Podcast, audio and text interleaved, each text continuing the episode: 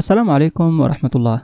نقرأ لكم من كتاب التيجان في ملوك حمير ملك أبرهة ابن ذي القرنين وملك أولاده من بعده ثم ملك بلقيس بنت الهدهاد ملكة سبأ وملك رحبعم ابن سليمان النبي عليه السلام. وهذا هو الجزء الثالث من الكتاب. ويمكنك الاستماع للكتاب كاملا من قائمة تشغيل خاصة بالكتاب داخل قناة كتب وروايات عبد الباري الطشاني. بسم الله نبدأ. ملك أبرهة. قال أبو محمد عبد الملك بن هشام لما مات ذو القرنين الصعب بن ذي مراثد ولي الملك ابنه أبرهة ذو المنار سماه الصعب على اسم إبراهيم الخليل صلى الله عليه وسلم وإنما سمي أبرهة باللسان الحبشي وتفسيره وجه أبيض. قال أبو محمد كان أبرهة أبيضا وسيما جميلا.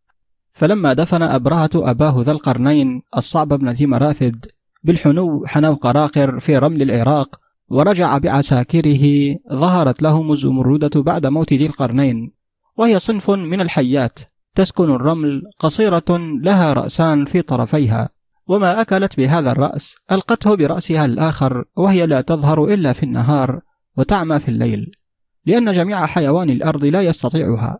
يسري سمها في الأبدان كسير البرق في الهواء تفر منها الثعابين والشجعان والأفاعي. فلما كثرت على عساكره الزمردة ذات الرأسين أضرت بعساكره ضررا شديدا. فكان يعرس نهارا ويسير ليلا. فكانت تضل العساكر في الليل بعضها عن بعض. فأمرهم أن يوقدوا النيران على رؤوس الجبال ليهتدوا بها. وهو أول منار جعل في الدنيا. فسمي بذلك أبرهة ذا المنار.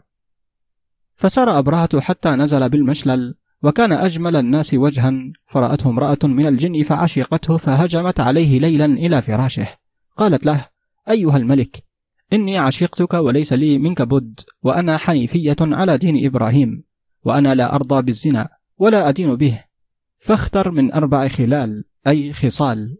واحدة إن شئت قتلتك وإن شئت أعميتك وإن شئت أبرصتك وإلا فتزوجني. قال لها العاقل إذا خير اختار. أنا أختار منك العافية يا عيوف. فذهبت مثلا. فأتته بنفر من الجن فيهم الرابع أبو هافز قال له الرابع أيها الملك منزلي وادي الجن بالمشلل من أرض جو وهي أرض اليمامة اليوم. وإن الإنس ينزلون وادي الجن من أرض الجو فتتعرى نساؤهن إلى رجالنا ويتعرى رجالهم إلى نسائنا. قال له أبرهة. أنا أبدر إليهم وأمنعهم من أن ينزلوا بوادي الجن وهم لا ينزلونه ما عشت فمن نزله أحرقوه بالنار. فكان حرما عند العرب حتى أتى رهط من بني حلوان ابن الإحاف ابن قضاع بن مالك بن حمير فنزلوه فبينما هم نائمون في جوف الليل إذ سمعوا دويا وهينمة وناداهم مناد إنما هذا محرم الرابع وحمى أبرهة وأتتهم نار عظيمة فأكلت أموالهم وأكلت أناسا وولوا هاربين فسمي ذلك الموضع الحرقانة فهو اسمه إلى اليوم حدثنا أبو مالك عن زياد البكائي عن محمد بن إسحاق المطلبي أن عمر بن الخطاب دخل مسجد رسول الله صلى الله عليه وآله وسلم ذات يوم فوقف بين يديه رجل كالنخلة السحوق فقال له عمر من أنت؟ قال له الرجل أنا حارق قال له عمر ابن من؟ قال له ابن شهاب قال له عمر وأين مسكنك؟ قال له الرجل بالحرقانة حرقانة الجو. فقال له عمر ويحك أدرك أهلك فقد احترقوا. قال فرجع الرجل إلى الحرقانة فأصاب قومه قد أقبلت عليهم نار ليلا فاحترقوا. وكان عمر أعيف العرب في الجاهلية وأزجرها ولقد حكم بالقيافة. قال أبو محمد وإن العيوف ابنة الرابع ولدت لأبرهة ولدين العبد ذا الأشرار وعمرا ذا الأذعار. وفي العيوف يقول طرفة بن العبد بعد ذلك الزمان ويقال أنه للرابع الجني حيث يقول لابنة الجني بالجو طلل حله الرابع حينا وارتحل. حرم الجن على الإنس فمن شاء بعد الملك والرابع حل. حل منه ذو منار أهله فتولى الجمع عنه واحتمل. كل ما حل عليه رائد أوقدت نار عليه فاشتعل. كم به من ذات دل حسن وقوام ووسام ومقل وجواد وهمام حازم عاقه عنهم زمانا ونزل. قال أبو محمد ثم إن أبرهة ذا المنار جمع الجموع العظيمة وسار يريد المغرب أرض بابليون فأرسل إليه حلوان بن إمري القيس ابن عملاق ابن عمرو ابن إمري القيس ابن عمرو ابن بابليون ابن سبأ ابن يشجب ابن يعرب ابن قحطان ابن هود النبي صلى الله عليه وسلم. وعمرو بن بابليون هو فرعون إبراهيم بمصر فسار أبرهة يريد حلوان بن إمري القيس إلى مصر أرض بابليون. وقد رجعت إليه الحبشة وبنو ماريا ابن كنعان. فسار أبرهة بجموع عظيمة حتى بلغ مأرب ثم سار حتى بلغ الأحقاف حتى بلغ نهر الحفيف. فأصابوا بنهر الحفيف نصل سهم قد رشق في شق من صخر في صخرة منيعة وقد عفن القدح فذهب وبقي النصل فأخذوه فوجدوا بجانب منه مكتوب بخط من ذهب لقلبك من بين الخليط سواد وحلت بمومات العراق سعاد. نأى النوم عن طرف المشوق فهل له؟ بطرف الذي يهوى عليه سهاد.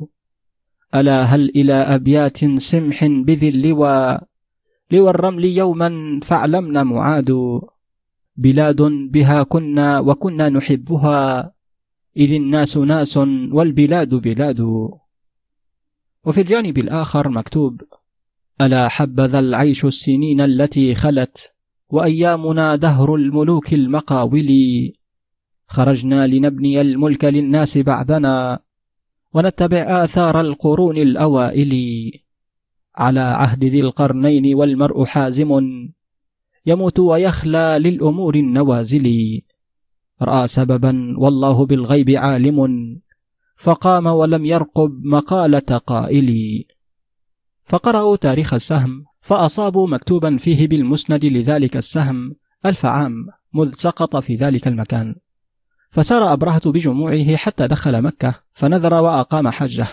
ثم أخذ على الشام يريد أرض بابليون مصر وحمل ابنه العبد في السفن إلى أرض الحبشة. فبلغ ذلك الحبشة فولوا منهزمين. ولحق أبرهة بحلوان فتبع الحبشة على النيل وأمر حلوان أن يتبع بني ماريع ابن كنعان إلى البحر المحيط من أرض المغرب. وسار أبرهة في طلب الحبشة وأن العبد بن أبرهة مضى على وجهه في أرض الحبشة فقتل وسبى حتى تضلل ولم يدري أين يسير وغرق في المخالب.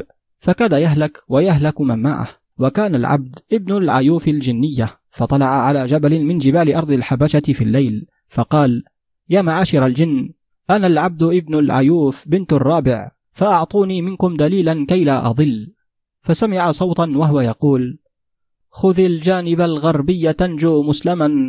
على النيل تحدوك المناهل يا عبد وخذ لبني حام من الأمر صعبه. إذا ما بدت للناس أوجهها الربد. وعند حراج الأمر لو بعده.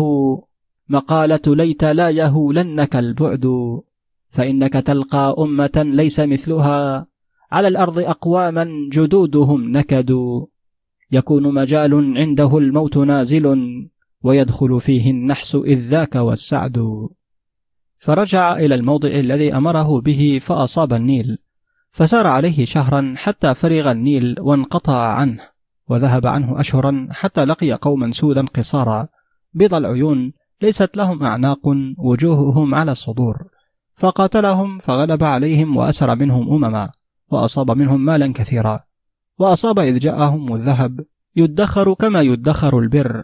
يدخر كما يدخر البر فغنم مالا كثيرا وسبي أمما من الحبشة وقدم اليمن وقد عبر بحر النجاة ونزل بحرم مكة فجعل العرب يختلفون إلى الأسرى من الحبشة ويتعجبون من خلق أمم مختلفة وأن أبرهة ذا المنار قفل من أرض الحبشة راجعا فأخذ على ساحل البحر حتى وصل إلى أرض بابليون ثم أخذ على الشام وبلغ الدرب فلقيته هدايا الروم وأهل أرمينية ثم سار حتى بلغ مكة فلاقيه ابنه العبد بسبايا الحبشة. فرأى قوما قصارا فأمر بهم أن يمضي بهم إلى أرض البحرين وعمان يخدمون المراكب فيزعمون أن النوتيين الذين كانوا بعمان والبحرين من بقايا سبايا الحبشة الذين سبى العبد ابن أبرهة.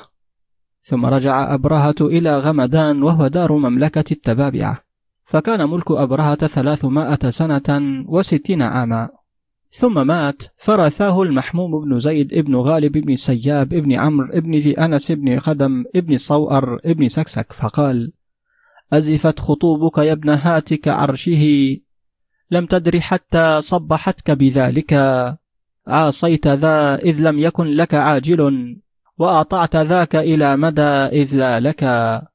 فلقد بلغت من البلاد مبالغا يا ذا المنار وضعضعت لجلالك. قدت الجنود إلى الجنود سريعة وحملت منها على السفين كذلك. سرت الجيوش فأمعنت في سيرها ما تهتدي إلا بنور جمالك. حتى وطئت جميع حيث تغلبت أسباط حام فاهتدت بهلالك. أوغلت عبدا فاستقر به النوى حتى تشرد حالهم عن حالك. فسقيتهم سجلا بكل مهند حتى أبرت حرامهم بحلالك فآتاك بالنسناس خلق وجوههم فوق الصدور وليس مثل رجالك. زالت لك الشم الشوامخ هيبة لما قصدت إلى الوغى بنزالك. قالت لك الأرضون سمعا وطاعة لم تستطع أن تصطبر لقتالك. قد قصرت همم الزمان عن التي كانت لمن جر الكتائب سالكا. أنا هديت وأنت هاد للتي لما سعيت لمنتهى آجالك. من ذا يجاري من سموك خطة؟ هيهات من يهدى لحسن فعالك. خضع الملوك لوجه ملكك هيبة. لم ينج من حتم المنية ذلك. ملك العبد بن أبرهة. قال أبو محمد عبد الملك عن محمد بن سائب الكلبي لما مات أبرهة ذو المنار ولي الملك بعده ابنه العبد بن أبرهة وهو ذو الأشرار. وإنما قيل له ذو الأشرار لأن الحبشة هم الأشرار. وكان العبد هو الذي غلب على جميع أرض الحبشة وسباهم أمما وساقهم في الأغلال إلى مكة. وهو أول من رأت العرب في زمانه داء الكلب. وداء الكلب داء يعر الدماغ فيسكن من حركته فلا يبرأ حتى يسقى الخمر بدم من دماء بني مذحج قال عبد الله بن حزم الأزدي وجوه بني زبيد إن تجلت إلى الأبصار تخطف كالبروق. إذا نطقوا يزينوه بعدل وإن صمتوا على علم حقيقي وإن فخروا آتوك بعز بأس وبالأفعال والحسب العتيق.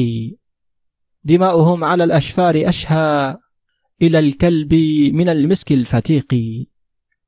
وقال حسين بن الحمام المري لبني العنقاء حين أعطاهم ابنه ديا رهينة فأبوا خذوا ديا بما أحدثت فيكم فليس بكم على داب غلاء فلستم من بني عمرو بن عمرو ملوكا والملوك لهم نماء.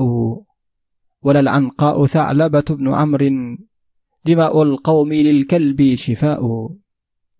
زعم أنه من بني زبيد وذلك أن بني مرة بن سعد بن ذبيان يزعمون أنهم من بني زبيد. وأما عبد الله بن حزم في قوله دماؤهم على الأشفار أشهى إلى الكلب من المسك الفتيق أراد أن دماءهم أطيب من المسك الذي يبري الدماغ عن داء الكلب. وذلك أن النتن إذا خامر الدماغ أفسد طبيعته وأضعف قواه. قال عبد الملك وولي أمر الملك العبد ابن أبرهة ابن صعب فغزا الملوك ودانت له العرب والعجم وخضعت له الملوك فأقام في الملك ستين عاما.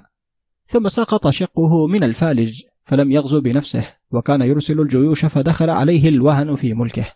ثم عدا عليه الفالج فمات وكان ملكه ستين عاما. ملك عمرو بن أبرهة وولي الملك أخوه عمرو بن أبرهة وهو عمرو ذو الأذعار وأمه العيوف بنت الرابع الجنية. وقد أبى من هذا عامة الناس وزعموا أنه لا يظهر الجن للإنس وأنه لا يتناسل جنسان مختلفان ولا ينسل إنسي من جنية ولا جني من إنسية وأن هذا باطل. وأتى بهذا الحديث علماء والله أعلم أي ذلك كان. قال أبو محمد لما ولي عمرو ذو الأذعار الملك قهر الناس بالملك وذعرهم بالجور فلا يرفق لقريب ولا بعيد وأسرف على العرب بالسلطان وشرد الناس ووسم من سخط عليه بالنار من أبناء الملوك وبدل على الناس السيرة التي كانوا عليها يعرفون. فذعر الناس من خوفه ذعرا شديدا وبه سمي عمرو ذو الأذعار وأنه كان يزني ببنات الملوك من حمير فيؤتى بهن أبكارا وغير أبكار. فكن يشربن معه الخمر وكان ينادمهن على الخمر ويصيب منهن حاجته.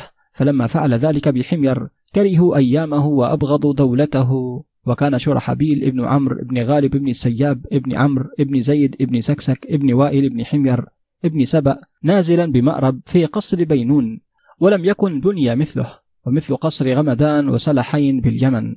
فجمع شرحبيل حمير وقبائل بني قحطان ممن كان بمأرب ثم قام فيهم خطيبا فقال يا بني قحطان النساء الحمى فدون الحمى سفك الدماء. هل جزعتم يسمكم بالنار فالنار ولا العار. والصبر صبركم وصبر كفر. فقد صبرتم على ما لا يصبر عليه أحد.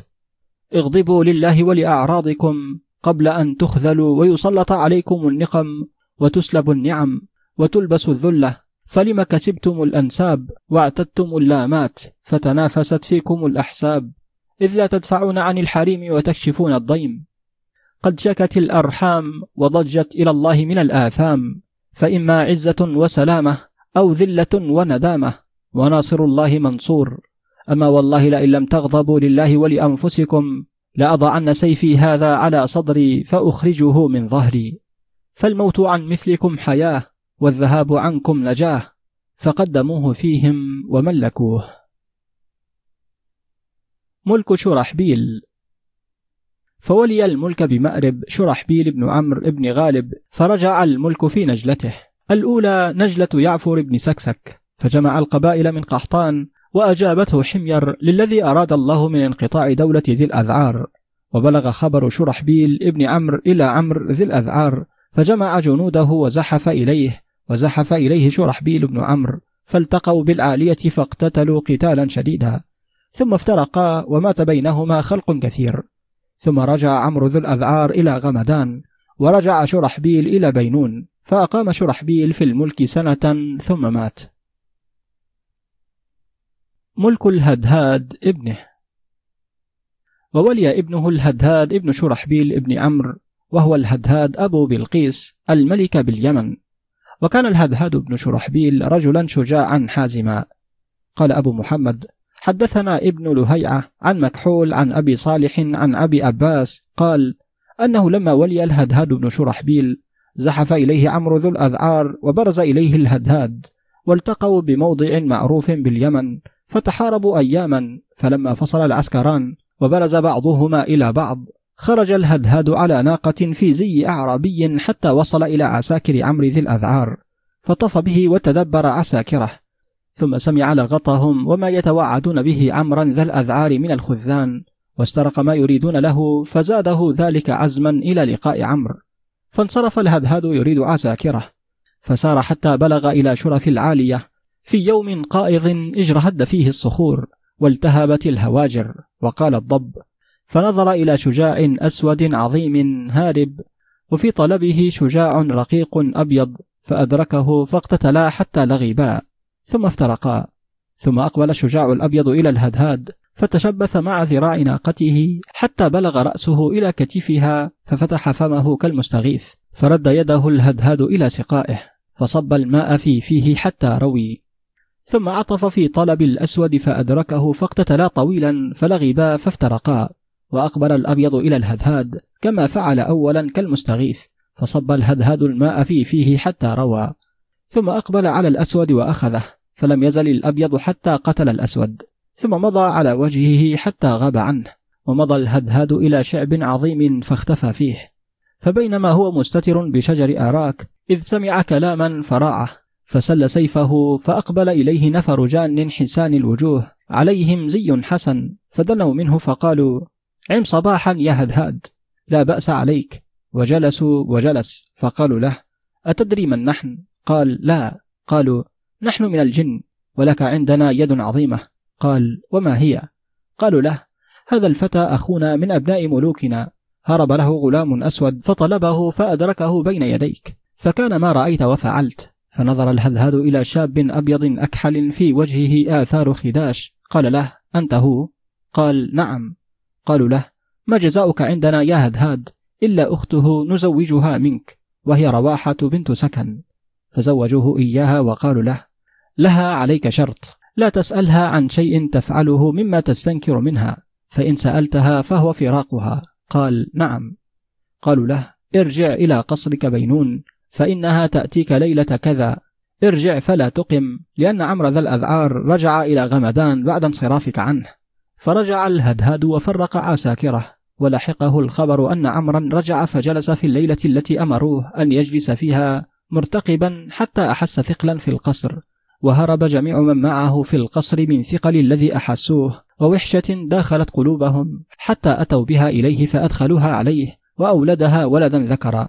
فلما شب وصار ابن سنة فبينما هو يناعيه إذ أقبلت كلبة من باب المجلس فأخذت برجل الطفل وجرته حتى ذهبت به عنه فغاب فنظر إلى رواحة فسكتت وسكت. ثم ولدت أنثى فلما صارت بذلك السن أتت الكلبة فجرت برجلها وهو ينظر فسكت وغابت عنه. ثم ولدت ذكرا فلما بلغ سن أخيه وأخته أتت الكلبة وفعلت كما فعلت أولا. قال لها يا رواحة. قالت له كيف؟ قال لها أكف ما نال هؤلاء الأطفال؟ قالت له فارقتك يا هدهاد اعلم أنه لم يجري منهم أحد بل هم محمولون وتلك درة تحملهم وتربيهم حتى يبلغوا خمس سنين فيأتوك أنقياء. فأما ابنك الأول فقد مات أحسن الله عزاءك فيه. وأما الآخر فإنه يأتيك وليس يعيش بعد أبي وهو يموت. وأما ابنتك فإنها تأتيك وتعيش لك. ثم ذهبت عنه فلم يرها بعدها. ووجد في الفراش ابنه وبنته بلقيس فمات الصبي وعاشت بلقيس. وقد رد هذا الحديث عامة من العلماء ويقبله عامة من العلماء. والله أعلم أي ذلك كان.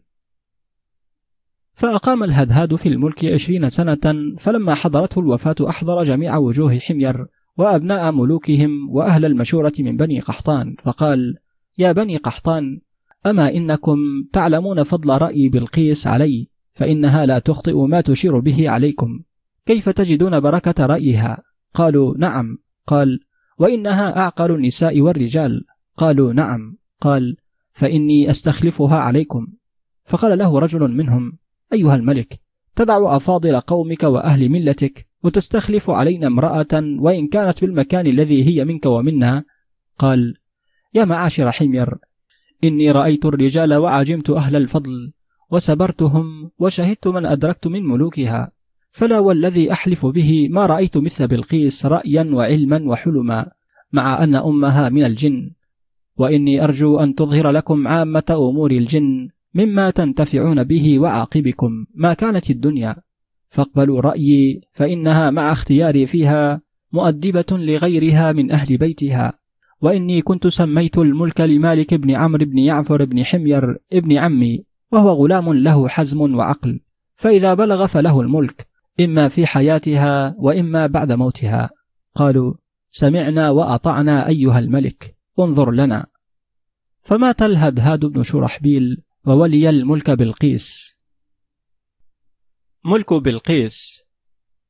فلما وليت بلقيس الملك ازدرى قومها بمكانها لما كانت امرأة. وأنفوا من أن يلي أمرهم امرأة وبلغ ذلك عمرا ذا الأذعار. فجمع الجيوش ونهض إلى بلقيس. فلم تكن لها طاقة فهربت مكتتمة بأخيها عمرو بن الهدهاد وهما في زي أعربيين حتى أتت جعفر بن قرط الأسدي وهو جعفر بن قرط ابن الهميسع ابن مالك ابن, ابن عمرو بن أسد بن هزان ابن يعفر ابن سكسك ابن وائل ابن حمير ابن سبأ. وكان جعفر بن قرط عمر ثلاثمائة عام وكان أنجد فارس في زمانه وكان في ثورة من قومه أسد بن هزان. وكان قومه هزان لهم أرض جو وهي اليمامة.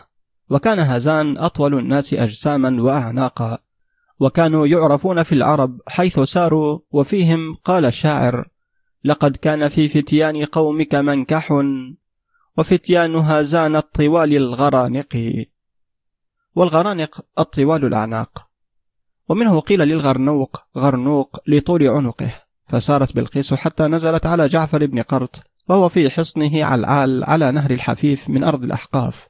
ونهر الحفيف هو الذي أظهر النبي هود صلى الله عليه وسلم لعاد بن لاوذ بن إرم الآية الباهرة. حين هلكت عاد بالريح العقيم. فآخر من بقي من هزان باليمامة. كان بقي من تصم وجديس ورائش بن لاوذ بن أرم. وهلك تصم وجديس وبقي سعدانة بن هزان بعدهم. وبعد قومه هزان باليمامة. وكان أطول الناس جسما وعمرا. فأقعد من الكبر وهو الذي هجم عليه عبيد بن عبد العزى الربعي إلى اليمامة فأصابه جالسا وهو يأكل تمرا من نخلة سحوق وهو يقول تقاصري آكل جناك قاعدا إني أرى حملك ينمى صاعدا. فهجم عليه عبيد بالقناة ليطعنه فقال له سعدانة لا تفعل يا عبيد. قال له عبيد ومن أنبأك بي؟ قال له السلف يقولون بالعلم الأول آخر من يبقى من هزان بن يعفر باليمامة أرض جور رجل يسمى سعدانة وأول من يهجم عليه يجاوره فيها رجل من بني ربيعة بن نزار يسمى عبيدا. ولكن يا عبيد أجاورك. قال له عبيد لك سؤالك يا سعدانة. وأنشأ يقول إن الليالي أسرعت في نقضي أكلنا بعضي وتركنا بعضي. حنين طولي وطوين عرضي أقعدنني من بعد طول نهضي. تركنني ملكا لأهل الأرض أيس ذا يا زمني من قرضي؟ هواك تركي وهواي يمضي. فأجاره عبيد حتى مات وتمثل هذه الأبيات هزان بن سعدان العمري بعد هذا الزمان. قال أبو محمد وإن بلقيس أتت جعفر بن قرط الأسدي ثم الهزاني فقالت له أنا بلقيس بنت الهدهاد وهذا أخي عمرو أتيتك به هاربة مطيعة فأجرني وأخي. قال هلم يا بنية أمنعك مما أمنع منه نفسي وبناتي فادخلي إلى بنات عمك آمنة. فأجارها جعفر بن قرط وأخاها عمرا وعمرو ذو الأذعار يطلبها وأخاها فلا يجد لهما حسا. وكان جعل على نفسه جعفر بن قرط في كل عام عمرة يحج إلى مكة. فيحرم بمكة شهر رجب ثم يرجع إلى حصنه علعال وجعل على نفسه بعد رجوعه عن العمرة يجاور قبر هود النبي صلى الله عليه وسلم شهر المحرم كله حتى ينسلخ. فكان يفعل ذلك كل عام ثم يرجع إلى حصنه علعال فكان بين حصنه علعال وبين قبر النبي هود صلى الله عليه وسلم مسيرة يوم وهي مسافة وقد أخلى جعفر بن قرط تلك المسافة من الناس فلا ينزلها أحد. كانت له حمى وكان جعفر بن قرط رحل إلى قبر هود بالعيال والولد وكان غيورا أنفا لا يصحبه في ظعنه ولد أدرك الحلم ولا ابن عم. فرحل بأهله وولده الأصاغر وسارت معه بلقيس وأخوها عمرو. طفل لا يعلم بهما أحد من الناس فسار يريد قبر النبي هود صلى الله عليه وسلم فأخذ على شاطئ نهر الحفيف بين النخل يأكل تمرها ويعلفه الخف والحافر. وإنه ذا نزل بالأحقاف بجوار قبر هود أتبعته السباع فيقاتلهم ويقتل من لقيه منهم. ثم يخرج إليه تنين عظيم فيقاتله حتى يولي من بين يديه ويقول لأهله لا تجزعوا فإنه لص شيطان وإنه كان رجل بمأرب تحت السد. يقال له عمرو بن عباد ابن مهرس ابن عفار ابن أود الله ابن سعد العشيرة. وكان صعلوكا لا يقر به قرار. ويطلب المبارزة في كل قبيل من العرب وفي كل أوب. وتبعه على ذلك شريك بن عمرو ابن هلال ابن أود الله وتبان بن ثور ابن أسلم ابن زبيد. وكانا صعلوكين فاتكين جسورين على كل هول فتبعه عمرو بن عباد. فسار بهما يطلبون الأموال وغيرة القبائل لا يصطلي بنارهم ولا يسلب من لقيهم. فبينما هم كذلك سائرين إلى أن رمت بهم الأرض إلى نهر الحفيف إثر ضعن جعفر بن قرط فمشوا على الرسم واقتصوا الأثر حتى تراءى لهم جعفر يمشي كالشبح خلف ضعائنه فجدوا في طلبه حتى أدركوه. وبينهما نهر الحفيف وهو نهر ينهال فيه الرمل فيبتلع من سقط فيه. فطلبوا سرحة للنهر يعبرون منها إليه. فلما دنوا منه ووقفوا في عدوة النهر قريبا منه رأوا شيخا جالسا في سرجه كالنخلة ولحيته سقطت على عرف فرسه. فانحرف عليهم بوجه كالمجن وقد بلغت ركبتاه حذاء أذني الفرس فقال لهم من أنتم وما شأنكم؟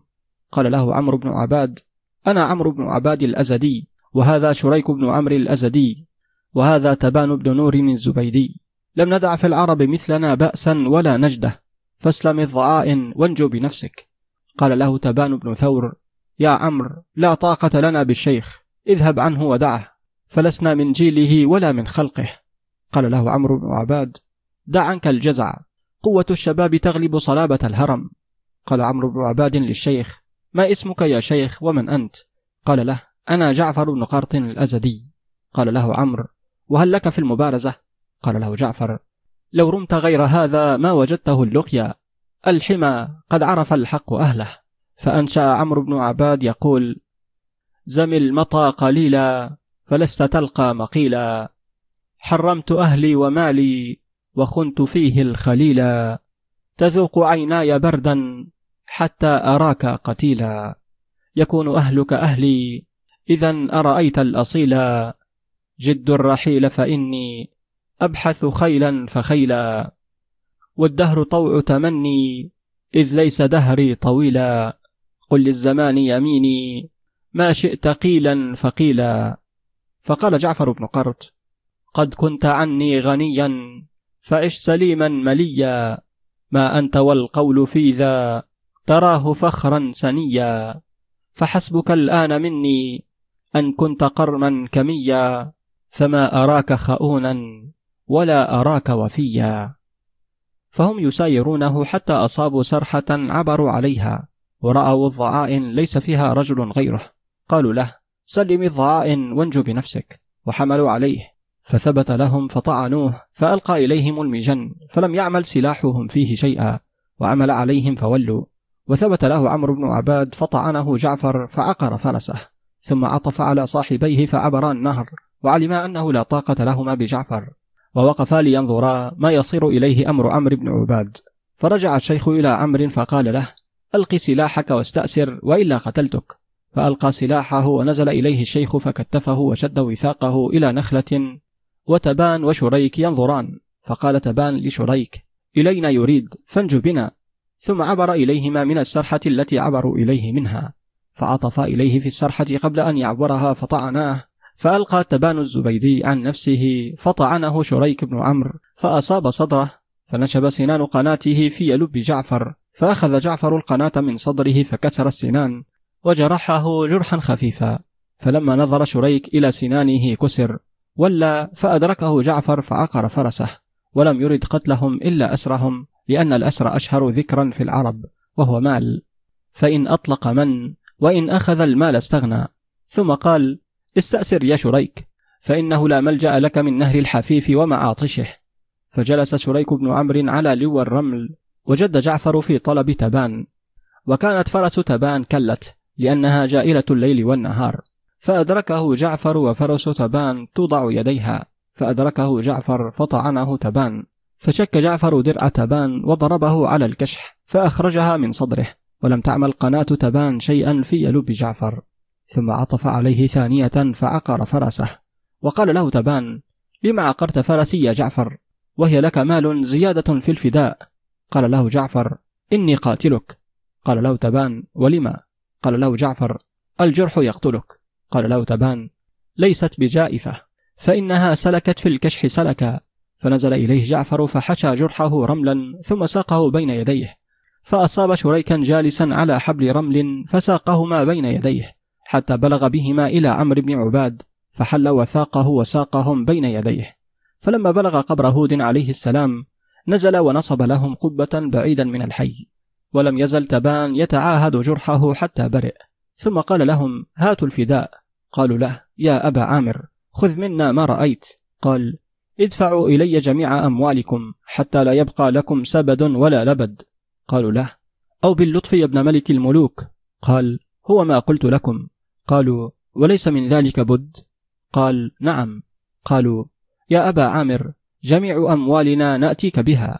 قال أقم أنت يا عمرو وأنت يا شريك رهينة واذهب يا تبان سق لي الأموال. فلما عبر تبان نهر الحفيف وعلم منهم العزم على ذلك ركض في طلب تبان. فلما رآه تبان جزع وظن منه الغدر فقال له بعد الأمن والرضا بالفداء يا أبا عامر. قال له جعفر ارجع الذي رأيت أحسن من الذي رأيتم. قال له تبان يا أبا عامر ملك الملوك أنتم وجه الدنيا وشم العرب لم يضعكم الله مذ رفعكم فمضى به حتى رده إلى صاحبيه. قال له يا أبا عامر الوفاء أشبه بك والجهل أشبه بنا. قال لهم إني لم أعط نفسي منكم فداء ولا طمعت فيه ولكن كان مني سؤال الفداء ابتلاء لكم واختبارا إذ سألتكم جميع أموالكم فلم تبخلوا بها عن أعراضكم وأنفسكم وجعلتم أموالكم دونها فأحمدت لكم ذلك وجعلت العفو مني مكافأتكم. وعلمت أن لأنفسكم منكم وفاء ولو بخلتم عن أعراضكم وأنفسكم بأموالكم لقتلتكم. فأقيموا في رحب وساعة ودعة. ثم ابن عباد أردت الموت فنأى بك الأجل. واستعجل العفو وأنشأ يقول أتى يروع بإبراق وإرعاد؟ ألف المنية في قرب وإبعاد. هلا مررت بعلعال فقلت له من ذاك يدفع عنك الشر يا وادي؟ بأبيض المتن صافي الماء ذي شطب وأدهى من أزرق الحدين وقادي. خل الضعائن تسلك جانب الوادي واصرف جراءك عنا يا ابن عبادي لا تعرضن لقوم من بني أسد فإن خلفهم ضرغامة عادي. يا أيها الراكب المزجي مطيته اذهب ودعني أمارس حية الوادي. أما قصدت ولم تخشى الحتوف إلى ليث العرين ولم تقصد بميعادي لا تسأم الناس والدنيا مزخرفة والناس ناس لا صلاح وإرشاد. إذا مررت على نخل الحفيف فقل إسلم سلمت حريم الحائم الصادي أقوى الوجيف مغانيه فقد سلفت له هنيدة لم تهل لروادي حريم ليث يخاف الدهر سطوته يصول عن مجد آباء وأجداد. لم يعب بالموت إذا جاشت كتائبه وقدم الحين أمجاد الأمجاد. تسربل النقع والأبطال كالحة والروع يحفز أكبادا بأكباد. شد الإزار على قلب وأورثه طيب المعيشة آباد الآباد. أردت قصدا إلى باب على عجل. صفر اليدين بلا رحل ولا زاد والدهر ينقض والأيام فانية. يا بعد دهرك من أيام ميلادي ما حبب العيش عندي غير واحدة خوف المذلة أن تنزل بجد جادي يا وهب لا تسأمي لما لاقيت ردي أو تحزني فالذي أسررت لي بادي. لا أعرفنك بعد اليوم تندبني وفي حياتي ما زودتني زادي إني نذرت يمينا لا أفندها حتى أجاور قبر العالم الهادي. ججاد ابنته بكر في حجره لم يكن في وقتها أجمل منها ووهبة إحدى نسائه لم يكن لها نظير. وإن جعفر بن قرط قال للأسرى الذين في يده أقيموا حتى أقارع التنين وإن التنين أتاه في الوقت الذي كان يأتيه فيه. فأخذ بيده شجرة أم غيلان وأخذ بيمينه خشبة عظيمة. فإذا هجم عليه التنين أدخل الشجرة في فمه وضربه بالخشبة في الرأس فلم يزل يقاتله حتى كل التنين وانصرف. وإنه كان كذلك يفعل. وهبت ريح باليمن فهدت الصخر من قنن الجبال وخددت الأرض ونقلت أحقاف الرمل من مكان إلى مكان. فزعم أهل اليمن أنها كالريح العقيم. هبت من جور عمرو ذي الأذعار فكشفت تلك الريح جبلا من رمل عن منبر هود النبي صلى الله عليه وسلم. فقال جعفر بن قرط يا ججاد دافعت عنكم أهل الدنيا وبأس أهل الأرض ولا دافع لأمر الله وغلبت الرياح النصيح. وأنشأ يقول لم يبق يا ججاد من لذاتي إلا نزال الجحف للكمات والصفرة الصدق من اللمات وراحة النفس إلى الميقات. كم مشهد ارتاع من أباتي وفيلق إزور من قناتي. أمنع من نجران والجنات ومسقط البحر إلى السفرات. ما واحد قرني ولا عداتي يرجون مني أسرع الغايات. قارعتهم بالموت بالساعات إذ لا زعيم ضامن حياتي. وكل جمع فالي شتات وكل حي في يد الممات. ما جاز حر الشعر عن أبياتي بلغت منه غاية الصفات. يكتب للشعر من الرواة فقدك يا ججاد من فتاتي. لابد أن يذهل عن هباتي قد عبث الدهر على منساتي منتظرا فيه إلى دعاتي. إذا أزلت الرحل عن أبياتي سابقت أيامي إلى ميقاتي. أبو بنين وأبو بناتي أحسب في الحي من الأموات هل مشتر أبيعه حياتي؟ وإن الريح هبت فكشفت عن منبر هود عليه السلام درا وياقوتا وعن يمينه عمود من جزع أحمر مكتوب فيه بالمسند لمن ملك ذمار الحمير الأخيار لمن ملك ذمار للحبشة الأشرار لمن ملك ذمار لفارس الأحرار لمن ملك ذمار لقريش التجار فيقال أن هود عليه السلام كتبه وأنه من علم الوحي وذمار غمدان ومأرب وصنعاء والعالية وما بينها.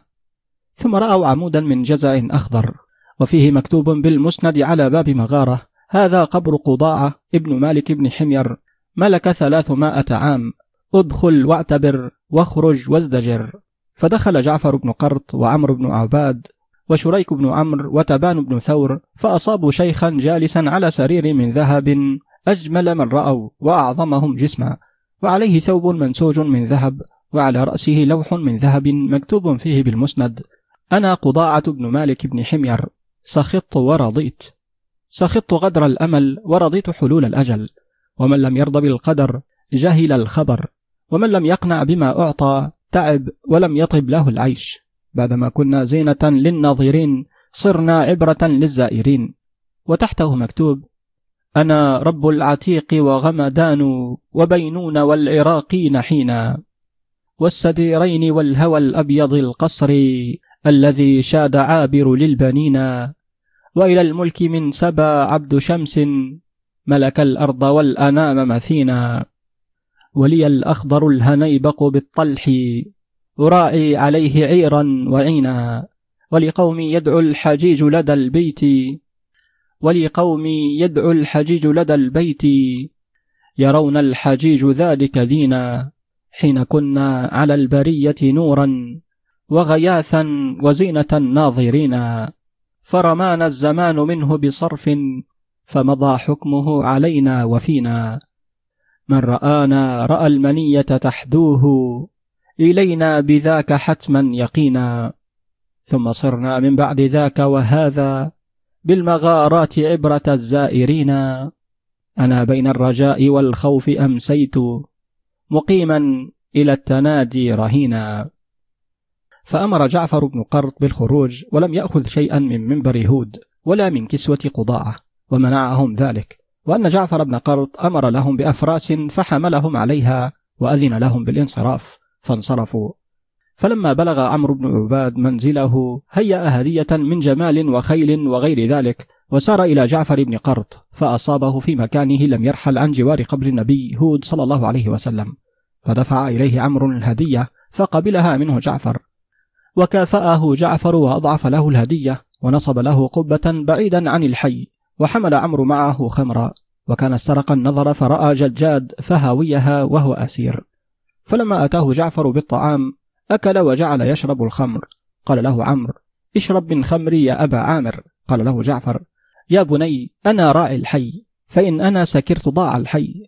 قال له عمرو اشرب شرابي فهو بري عنك فإني ضيفك. فلم يزل به حتى شرب وعملت الخمر في الشيخ فصرعته. فقام عمرو بن عباد فسل سيفه وضرب به رأس جعفر وجسده وأبان رأسه من جسده وأخذ لحيته يجريها رأسه. فلما نظر أهل الحي إلى رأس جعفر خضعن خيفة وليس في الحي إلا امرأة وطفل.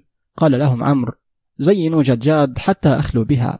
قالت لهم بلقيس ويلكن إني أيدة ليس في الرجال مثلي ولا من يدافعني وقد أعديت مدية خوصية للملك عمرو ذي الأذعار وهي أول ما عملت من الخوصيات باليمن وهي أول ما عملت من الخوصيات باليمن مكرا فجعلت نصاب المدية ذهبا ورأس النصاب ياقوتة زرقاء. فتدخلها من مفرقها في قرونها حتى تخرج رأس المدية من شعر قفاها وتبقى الياقوتة والذهب على جبينها وهي زينة ولا يدرى ما وراء ذلك. فزينا بلقيس ثم أتينا بها إليه فقالوا هذه ججاد. وكانت بلقيس أجمل من ججاد ومن نساء زمانها فلما رآها أنكرها وعلم أنها ليست ججاد. غير أنه رأى ما غلب على عقله فلما خلا بها في القبة هم بها قالت له يا عمرو إن الأبكار من النساء كالإناث من الخيل لا يسمحن إلا عن صهيل ومجابذة. وإنما أرادت أن تعلم أين هو من قوتها ومد يده إليها ورأى أنه حاكم عليها فجذبها إلى نفسه ودافعته فغلبت عليه فأخذت يديه جميعا بيدها الواحدة فأمسكته فلم يستطع معها حراكا ثم مدت يدها إلى قرونها فسلت المدية فضربت بها نحره. فلما وجئته ومات أخذت برجليه تجره في الحي وتقول قليل لك. هذا مني يا أبا عامر. ثم قالت لهن اسرجن فرس أبي عامر. فركبته ولبست لامة أبي عامر. وقالت ارتحلن من قبيل أن يشيع قتل أبي عامر. فيتخطفكن العرب من هذا الشعب. فرحلن ومشت خلفهن بالقيس كما كان أبو عامر يفعل.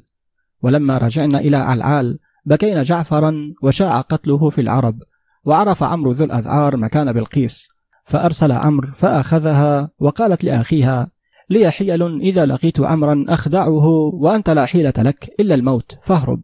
فهرب عمرو بن الهدهاد أخو بلقيس إلى البحرين مكتتما في زي أعرابي فلم يعلم به أحد. وسارت بلقيس حتى دخلت على عمرو ذي الأذعار. فأمر بالخمر ينادمها كما كان ينادم بنات الملوك ويفعل بهن. فلما أخذت الخمر منه هم بها قالت له أيها الملك سترى مني من المال أكثر مما رأيت من الحرص. وحاجتي فيك أعظم من حاجتك في وسامرته أحسن مسامرة فألهاها ما سمع منها وما أعطته من نفسها من القرب وهي تعمل فيه بالخمر دابا حتى علمت أن الخمر عملت فيه. فقامت إليه وسلت مديتها من قرونها ثم نحرته. فلما مات جرته فألقته في ركن مجلسه وألقت عليه بعض فرش المجلس. ثم خرجت إلى الحرس في جوف الليل وقالت لهم يأمركم الملك بفلان أن تأتوا به. فلما أتوا به وكان يتبعه ألوف من حمير فلم تزل ترسل إلى ملوك حمير وأبناء الملوك المسموع منهم المتبوعين. فلما اجتمعوا إليها في قصر غمدان خرجت عليهم فقالت لهم إن الملك قد تزوجني على أني برئت إليه من ملكي في حياته وأنتم تعلمون أنه لا يولد له. فلما علم مني الخضوع بحقه والاستسلام لإرادته والطاعة لأمره فوض إلي بعده ورآني أهلا له. وأمرني أن آخذ عليكم بذلك عهدا. قالوا سمعا وطاعة للملك فيما أراد. فأخذت عليهم العهد أن لها الملك بعد عمرو. فلما توثقت منهم قالت لهم هل تسمعون من الملك؟ فأدخلتهم المجلس قالوا لها أين الملك؟ قالت لهم ها هو ذا. وكشفت عنه فرأوه قتيلا. قالوا لها من فعل هذا؟ قالت لهم أنا ولي العهد عليكم بالملك بعد موته وهذا هو قد مات. وعهدي لكم لازم. قالوا لها أنت أولى بالملك إذ أرحتنا من هذا الرجس الجائر. فوليت بلقيس بنت الهدهاد بن شرحبيل ملكهم. ملك بلقيس بنت الهدهاد فوليت بلقيس ملك حمير وهي التي ذكرها الله تعالى في كتابه. ويزعم بعض الرواة أن تبع عمرا ذا الأذعار لم يمت. بل سقط شقه من الفالج ولذلك قتلته بلقيس وكان ملكه مائة سنة وخمسا وعشرين سنة. فرثاه المضرب بن وائل بن يعفر ابن عمرو الحميري فقال شعرا عجبت للدهر وأوانه وصرف أيام له فانية فبينما المرء يريد الهوى إذ مال لا يبقي على باقية. لو كان ذا الدهر إذا جاءنا يختلب العبد وذا الداهية. لو يعلم الدهر بما قد أتى لم يعلن البيان من ناعية. حال عن الدنيا بصرف الردى يختلس الحاضر والبادية. عم على ملك لنا قاهر مالك إنس في ذرى سامية. وملك حيانهم أصله لم يكن الباقي بذي راقية. أخرج ذا الأذعار من ملكه ولكن الدنيا إلى ناهية. لم تلبس الشمس سرابيلها على مليك كان ذا تالية. قد خسف البدر ولاذت به لما تولى الأنجم السارية.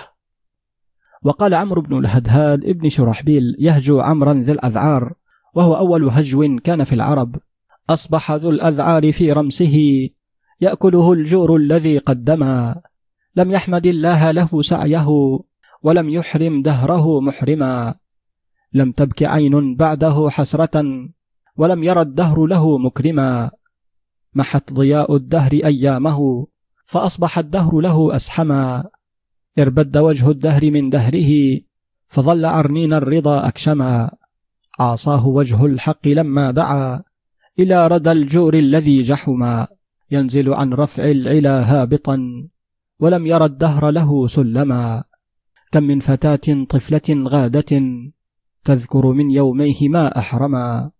وكم كريم ما جد سيد من حمير الأنجاد قد أوسما. شكت وجوه العدل أيامه أسلمه الحق الذي أسلما. قال أبو محمد لما وليت بلقيس الملك قالت حمير رجع الملك إلى نجلته الأولى. وذلك أنها من نجلة يعفر بن سكسك ابن وائل بن حمير ابن سبأ. وهي بلقيس ابنة الهدهاد بن شرحبيل ابن عمرو ابن غالب بن السياب ابن عمرو بن زيد. ابن يعفر ابن سكسك ابن وائل بن حمير ابن سبأ وعمرو ذو الأذعار من نجل الملطاط بن سكسك.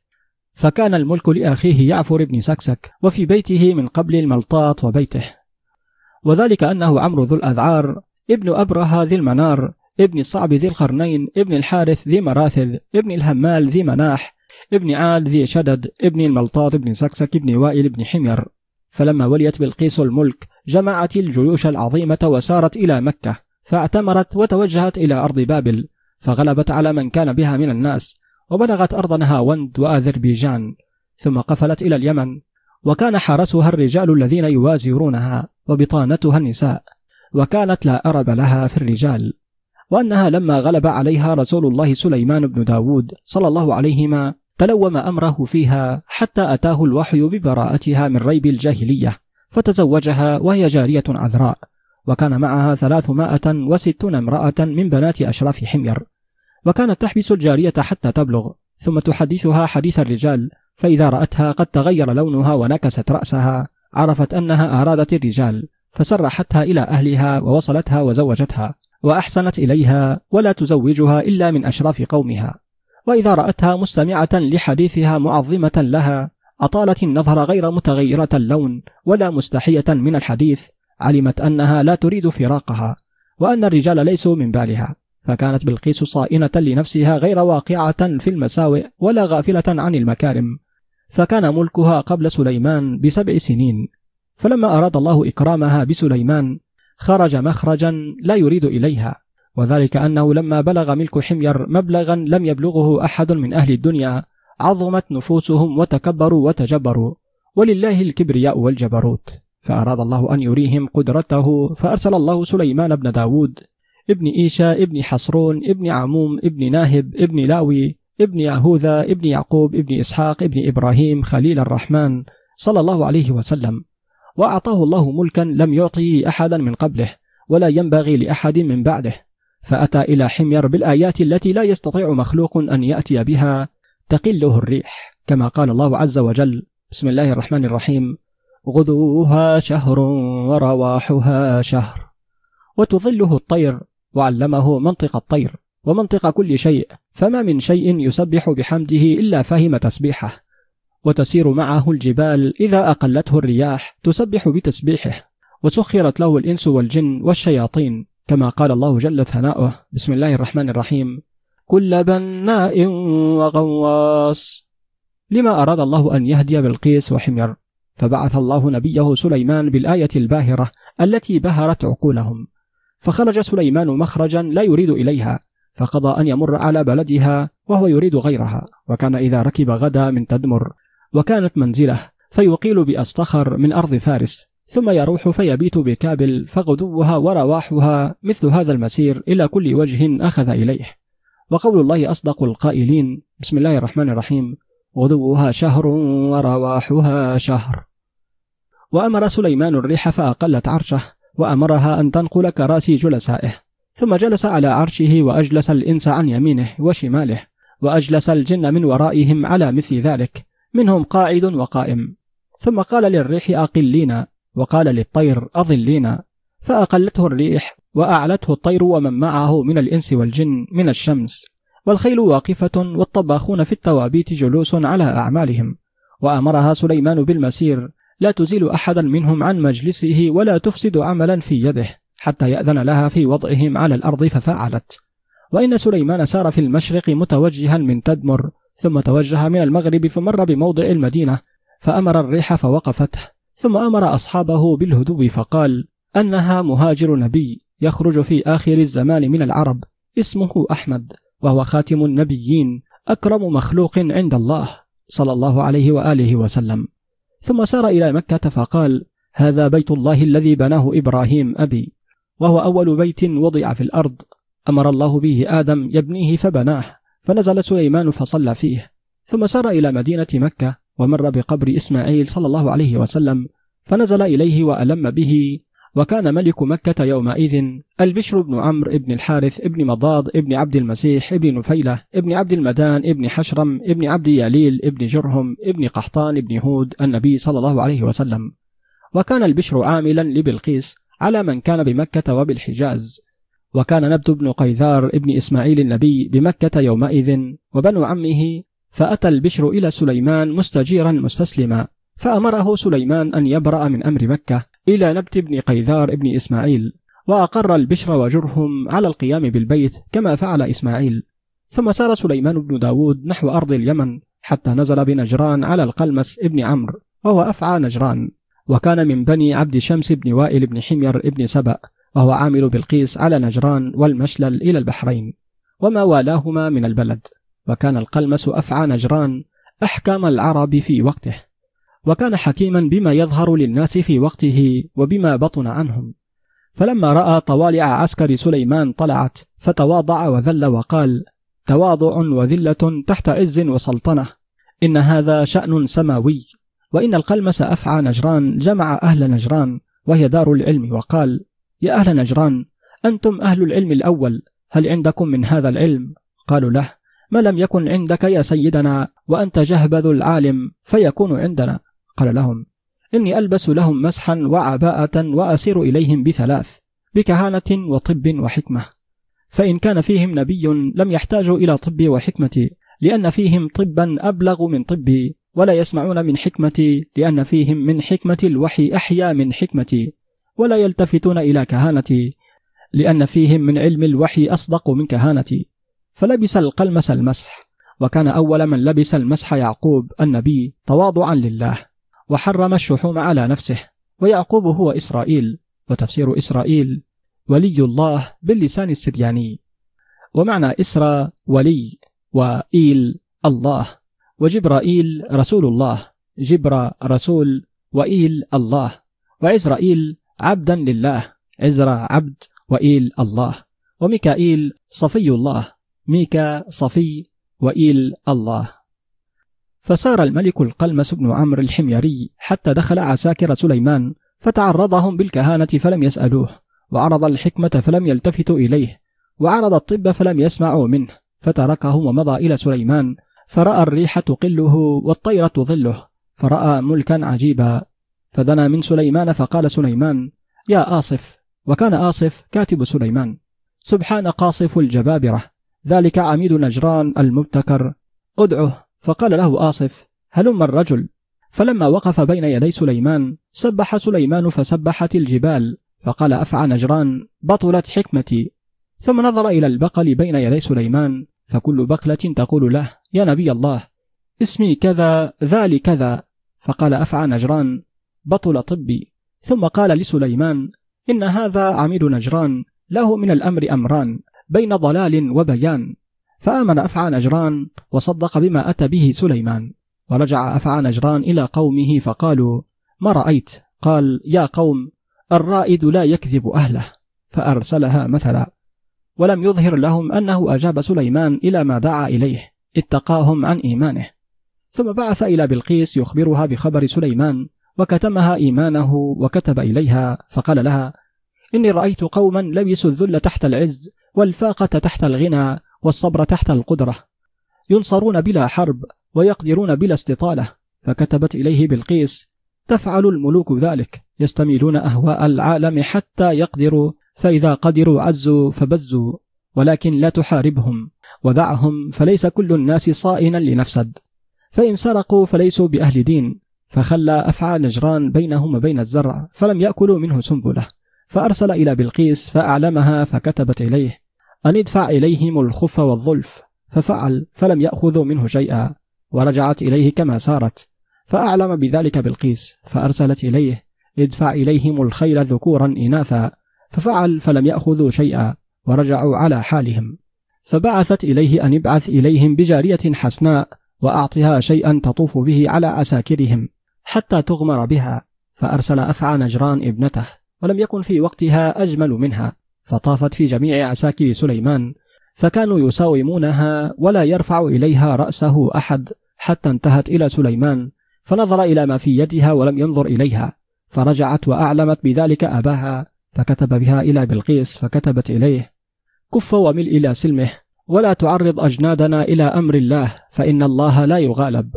ثم رفع سليمان حتى كان من مأرب مدينة سبأ على مسيرة ثلاثة أيام أراد النبي سليمان النزول وكان لا ينزل إلا على الماء وكان الهدهد الذي يدله على الماء فتفقد الهدهد لأنه دخلت عليه الشمس من موضعه وكان مثل البطة. وقال الله تبارك وتعالى بسم الله الرحمن الرحيم. وتفقد الطير فقال ما لي لا أرى الهدهد أم كان من الغائبين. لأعذبنه عذابا شديدا أو لأذبحنه أو ليأتيني بسلطان مبين.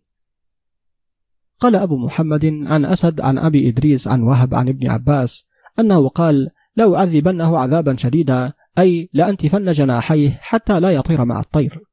وقوله بسلطان مبين أي العذر المبين والسلطان الحجة. وكان الهدهد تقدم من ذلك الموضع فلقي هدهدا من أرض مأرب فقال ذلك لهدهد سليمان أخبرني ما هذا الذي أرى ما رأيت ملكا أعجب من هذا الراكب الريح ومعه من الجنود ما أرى لم أره ولم أسمع به قال له هدهد سليمان هذا سليمان بن داود نبي الله قال فمن أنت؟ قال أنا من أرض سبأ قال له هدهد سليمان فمن ملكهم؟ قال ملكتنا امرأة لم يرى الناس مثلها في حسنها وفضلها ورأيها وحسن تدبيرها وكثرة جنودها والخير الذي أعطيته في بلدها وأمها من الجن. مع هذا وهي من ولد حمير. فقال انطلق بنا إليها. فانطلقا حتى نظر إليها ورجع إلى سليمان. قال الله تبارك وتعالى بسم الله الرحمن الرحيم. فمكث غير بعيد فقال أحط بما لم تحط به وجئتك من سبأ بنبأ يقين. إني وجدت امرأة تملكهم وأوتيت من كل شيء ولها عرش عظيم. وجدتها وقومها يسجدون للشمس من دون الله. وزين لهم الشيطان أعمالهم فصدهم عن السبيل فهم لا يهتدون. فقال سليمان بسم الله الرحمن الرحيم سننظر أصدقت أم كنت من الكاذبين؟ اذهب بكتابي هذا فألقه إليهم ثم تول عنهم فانظر ماذا يرجعون. فكتب سليمان كتابا ودفعه إلى الهدهد فأخذه الهدهد بمنقاره وانطلق حتى انتهى إليها فكان بحيال رأسها حتى حاذى تاجها وهي على عرشها. ألقى الكتاب فوقع في حجرها فنظرت إليه ونظر الناس إلى طائر رمى الكتاب فقالوا رمى إليك كتابا من السماء. فخاضوا في ذلك. ثم إنها بعثت إلى مقاول حمير وكانت أول من استشار المقاول من حمير فقالت لهم فقالت لهم ما ذكر الله في القرآن. بسم الله الرحمن الرحيم. يا أيها الملأ إني ألقي إلي كتاب كريم. إنه من سليمان وإنه بسم الله الرحمن الرحيم. ألا تعلوا علي وأتوني مسلمين. قالوا نحن أولو قوة وأولو بأس شديد والأمر إليك فانظري ماذا تأمرين. قالت إن الملوك إذا دخلوا قرية أفسدوها وجعلوا أعزة أهلها أذلة وكذلك يفعلون. وإني مرسلة إليهم بهدية فناظرة بما يرجع المرسلون. قال أبو محمد بعثت إليهم بهدية اختارت أربعين رجلا لم تدع في أبناء الملوك أجمل منهم ولا أعقل ولا أشد ثقة ولا أبعد غاية ولا أعلى صوتا فعنفهم صوتهم قبل أن يصلوا إلى سليمان وأرسلت إليه معهم بهدية تمتحنه بمائة وصيف ومائة وصيفة. ولدوا في شهر واحد كما ولدوا في ليلة واحدة.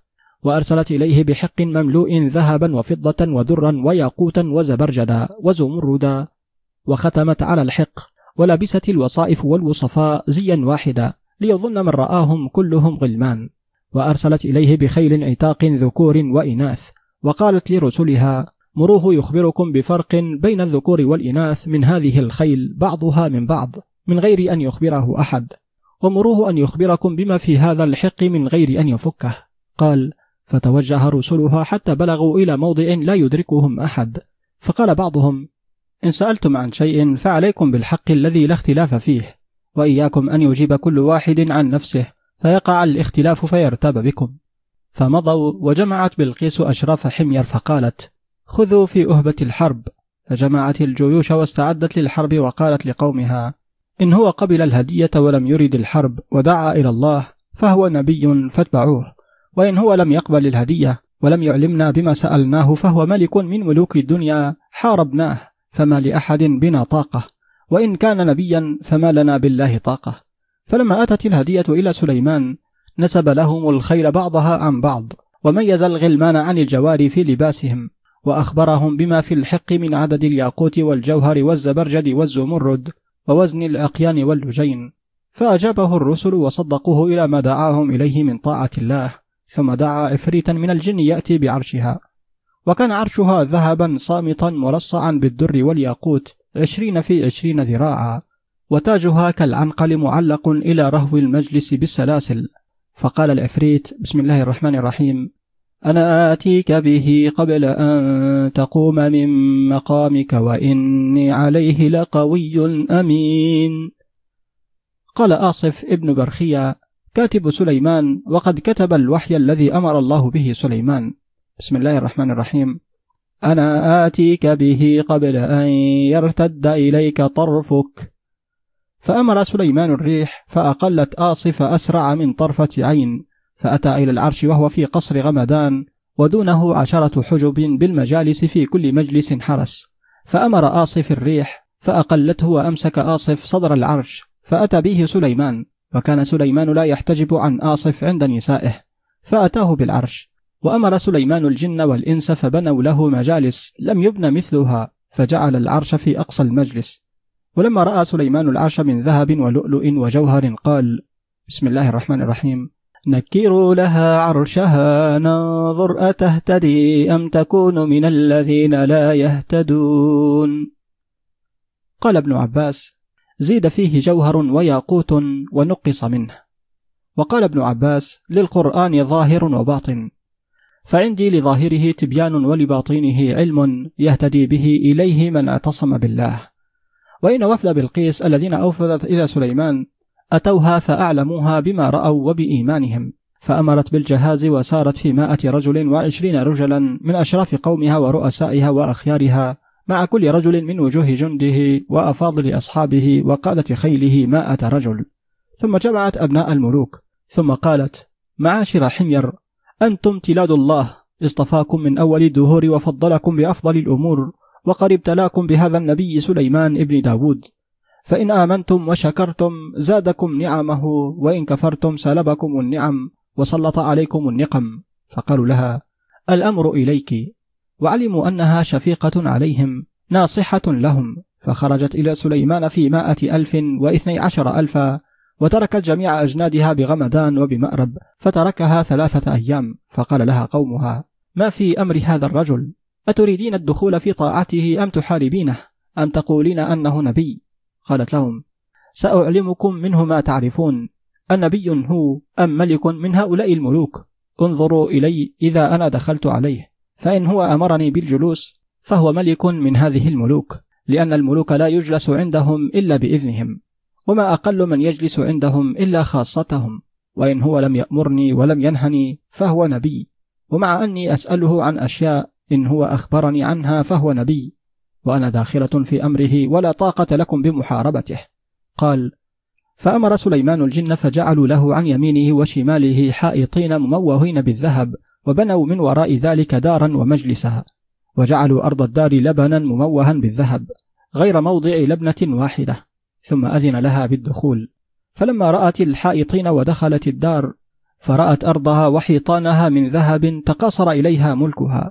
ورأت شيئا لا يشبهه ما كانت فيه وسليمان في مجلسه في أقصى الدار ومعها لبنة من ذهب في يدها تريد إن أمرت بالجلوس أن تجلس عليها. فنظرت فإذا هي على باب مجلس سليمان من خارج بموضع لبنة من فرش الدار ليس فيها لبنة فكرهت حين رأت ذلك أن تمضي بما في يدها فتتهم بها فرمت باللبنة في الموضع الخالي وسليمان ينظر. فلما دخلت عليه وسلمت وحيته تحية الملوك وتواضعت له كما يتواضع للملوك تمتحنه بذلك. فقال لها سليمان أهكذا عرشك؟ قالت له كأنه هو. ثم قامت بين يديه فلا يأمرها ولا ينهاها عن القيام حتى إذا طال ذلك منها. قال سليمان ورفع رأسه إليها الأرض لله فمن شاء فليجلس ومن شاء فليقم. قالت الآن علمت أنك نبي. قال ومن أين؟ قالت إنه لا يجلس عند الملوك إلا بإذنهم. وأما القيام فعندهم يقام وما أقل من يقعد عندهم إلا من كان من خاصتهم. لكنك قلت مقالة أهل العلم بالله وقد أتيتك وأنا أريد أن أسألك عن ثلاث خصال فإن أنت أخبرتني بهن دخلت في طاعتك وإن لم تفعل فعلت رأيي فيما بيني وبينك. قال سليمان فسلي ولا قوة إلا بالله. قالت أخبرني عن ماء روي ليس من أرض ولا سماء. وأخبرني عن تشبيه الولد أباه وأمه ومن أين يأتيه ذلك؟ وأخبرني عن لون الرب تبارك وتعالى وسألته عن ذلك وهي جالسة مما يليه على كرسي والإنس والجن عن يمينه وشماله. فقال سليمان للإنس هل عندكم في هذا شيء؟ قالوا يا نبي الله لا علم لنا. قال للجن هل عندكم في هذا شيء؟ قالوا لا علم لنا يا نبي الله. ثم قال سليمان للجن اركبوا هذه الخيل. فأجرها فإذا تصبب عرقها فخذوه وجيئوني به. ففعلوا وآتوه بماء كثير من عرق الخيل فقال لها هناك يا بلقيس ماء روي ليس من أرض ولا سماء. قالت أجبت عن هذه فماذا تقول في الخصلتين؟ قال لها أما شبه الولد فإن النطفة إذا سبقت من الرجل كان الشبه له وإن سبقت من المرأة كان الشبه لها. قالت صدقت. قالت فالخصلة الثالثة قال لها تبارك وتعالى عن سؤالك وأنا راغب إلى ربي. فرغب سليمان إلى ربه في مجلسه ذلك فأوحى الله إليه إني قد أنسيتها ذلك فاسألها عنه فسألها. فقالت ما أدري ما سألتك عنه يا نبي الله؟ فعرض عليها سليمان الإسلام فقالت أنظر في أمر هذا يوم هذا. فقالت الجن كنا نصيب في سليمان رحمة النبوة فيسأل عما نريد. فإذا هو تزوج بالقيس أتتنا فطنة الجن وحيل الإنس وكيد النساء فلم نصب راحة. فكيف إذا اجتمعت مع أعوانها من الجن والإنس أهل القسوة والتطاول على من دونهم؟ لم نأمن على أنفسنا الهلكة. يحجب عنا كل خير وينزل بنا كل سوء وشر. تعالوا فلنزهده فيها فإنه قد ذكر أنه يريد يتزوجها. فقال لهم عفريت من الجن يقال له زوبعة. أنا أكفيكم سليمان. فأتاه فقال له يا نبي الله بلغني أنك تريد تزويج بلقيس وأمها من الجن ولم تلد جنية من أنثى قط ولدا إلا كان رجلاه مثل حافر الحمار وساقه أجمان صلب القسوة حاد النفس حار الجسم. قال سليمان فكيف لي أن أنظر إلى ذلك منها وأعلم من غير أن تعلم ما أريد به منها؟ قال له زوبعة أنا أكفيك ذلك. فصنع زوبعة لسليمان مجلسا من قوارير وجعل أرض المجلس لجة وسرح فيها السمك. ثم جعل فوق ذلك صرحا ممردا من قوارير. ثم قال له ارسل إليها فلتدخل عليك فإنك ترى الذي تريد. فبعث إليها وهو على كرسيه ليس في البيت مجلس غيره. فلما رأت الماء والسمك تجول فيه ضربت ببصرها لتنظر مكانا تجلس فيه فلم تجد. وحسبته لجة. فكشفت عن ساقيها لتخوض الماء. فلما رآها سليمان ونظر إلى ساقيها عليهما شعر كثير أسود على بياض ساقيها. قال لها سليمان لا تكشفي عن ساقيك إنه صرح ممرد من قوارير. فنظرت فإذا ملكها ليس هو شيء عند ملك سليمان وأيقنت أنها آية من عند الله ليس من تملك المخلوقين. فقالت يا نبي الله ظهر الحق وذهب الباطل. ثم قالت بسم الله الرحمن الرحيم رب إني ظلمت نفسي وأسلمت مع سليمان لله رب العالمين. فلما نظر سليمان إلى شعر ساقيها ورأى جسمها أحسن جسم صرف وجهه عن ساقيها للشعر الذي رأى. فعلمت بلقيس أنه إنما صرف بصره ووجهه للشعر الذي رأى. قالت يا نبي الله إن الرمانة لا يدرى ما هي حتى تذاق. قال سليمان ما لا يحلو على العين لا يحلو على الفم. ثم تلوم سليمان أمره في بلقيس شهرا حتى أنزل الله عليه براءتها من ريب الجاهلية. فلما عزم سليمان على تزويجها قال له رجل صالح من الجن كان يحب ما وافق سليمان. يا نبي الله هل كرهت منها إلا الشعر قال بلى. قال إني سأتركها لك مثل الفضة من غير عيب. قال له افعل. فصنع لها النورة وبعث بها إليها واتخذ لها الحمام. قال بعض أهل العلم كانت أول نورة عملها مخلوق وأول حمام صنع ذلك الجني وصنع لها ذلك الجني صرحين ممردين وضروب الصناعات وتزوجها سليمان فأعجب بها وبعقلها وتدبيرها بحسن رأيها فولدت له داود ورحبعم فأما داود فمات في حياة سليمان أبيه وبقي رحبعم بعد سليمان وسرح بلقيس على ملكها ونزلت بمأرب. فكان يأتيها سليمان في كل شهر مرة فيقيم عندها سبعا ثم يسير في الأرض وكان يعينها بالشياطين يعملون لها. فعامة صناعات أهل اليمن من قبل الشياطين وافترقت عنهم في الناس شرقا وغربا. وإن سليمان أمر الريح فسارت به إلى الأحقاف ليزور قبر هود النبي صلى الله عليه وسلم فسار حتى نزل في الأحقاف ودخل إلى قبر هود ورآه ثم انصرف ومر على البحر حتى بلغ عدن. قال أبو محمد لما بلغ سليمان إلى عجز الأحقاف أمر الريح فأمسكت ثم قال وأشار بيده هناك ولي الله حنظلة بن صفوان صدق وكذبوه فنجا وهلكوا وإلى الله المصير. قال أبو محمد عبد الملك بن هشام عن أبيه عن أبي صالح عن ابن عباس قال ذكرت أحاديث القبور في مجلس فيه رسول الله صلى الله عليه وآله وسلم فتشعبت بنا فيها فنون كثيرة. فلم يبق منا أحد إلا حدث حديثا. فأقبل رجل من جهينة يسمى جفينة فلما رآه رسول الله صلى الله عليه وسلم قال وعند جفينة الخبر اليقين. ثم قال صلى الله عليه وسلم قد أتى من يحدث فيحسن. فلما جاءنا سلم ثم جلس ثم قال أفيكم رسول الله صلى الله عليه وآله وسلم؟ قلنا له هذا رسول الله. فقام إليه مسرعا فقبل يده فنفضها عنه رسول الله صلى الله عليه وآله وسلم ثم قال إن هذا حمقة من حمقات الأعاجم.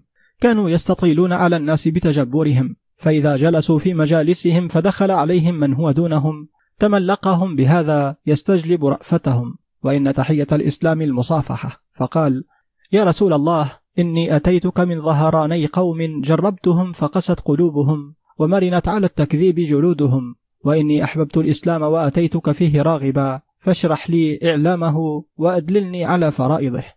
فقال رسول الله صلى الله عليه وسلم يا ابن عباس علمه من ذلك ما يفقه. فمكث أياما فتعلم السنة وقرأ سورا من القرآن وحسن فقهه. وإن الأيام جمعتنا وإياه في مجلس كما كنا أول مرة فأعدنا ما كنا فيه من أحاديث القبور. فقال جفينة حدثني أبو قنبرة بن الغسان عن أشياخه قالوا نزلت بنا جحرة أزمة سنة شديدة أكل الناس خيلهم. فلما أكلوا خيلهم مطيهم فكانت الذخائر التي لا يفضى إليها إلا في الجهد الشديد. فلما أفنوها تتبعوا خشاش الأرض من الحرشة وأولادها من شدة الأزل. فخرجت جماعة من الحي في طلب النبات فأشرفوا على هجل ذي نبات جم.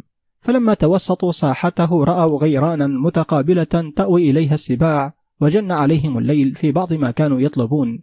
فأووا إلى غار منها وهم لا يعلمون البلد الذي هم فيه. فإذا فيه أولاد سبع. قال فحدثني رجل منهم يقال له مالك. قال فرأيت في الغار أشبالا حين شدت. قال فخرجنا هاربين. قال فدخلنا وهدة من وهاد الأرض بعدما تباعدنا من ذلك الموضع. فأصبنا على باب الوهدة حجرا مطبقا فأعتونا عليه فقلعناه. فإذا رجل عليه جبة صوف في يده خاتم عليه مكتوب. أنا حنظلة بن صفوان نبي أهل الرس. رسول الله وعند رأسه صحيفة نحاس مكتوب فيها بعثني الله إلى عريب وهمدان والعرب من اليمن بشيرا ونذيرا فكذبوني وقتلوني. قال فأعادوا عليه الحجر كما كان والصخرة في مكانها كما كانت.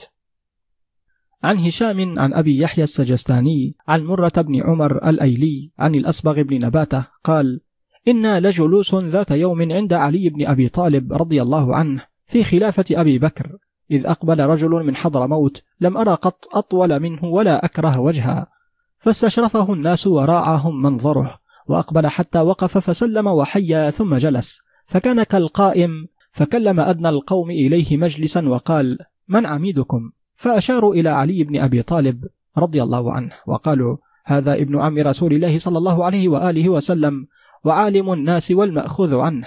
فنظر إليه علي فقال اجلس أيها الرجل. فقال أنا جالس أيها الهادي. فقال له علي من حضرموت أنت؟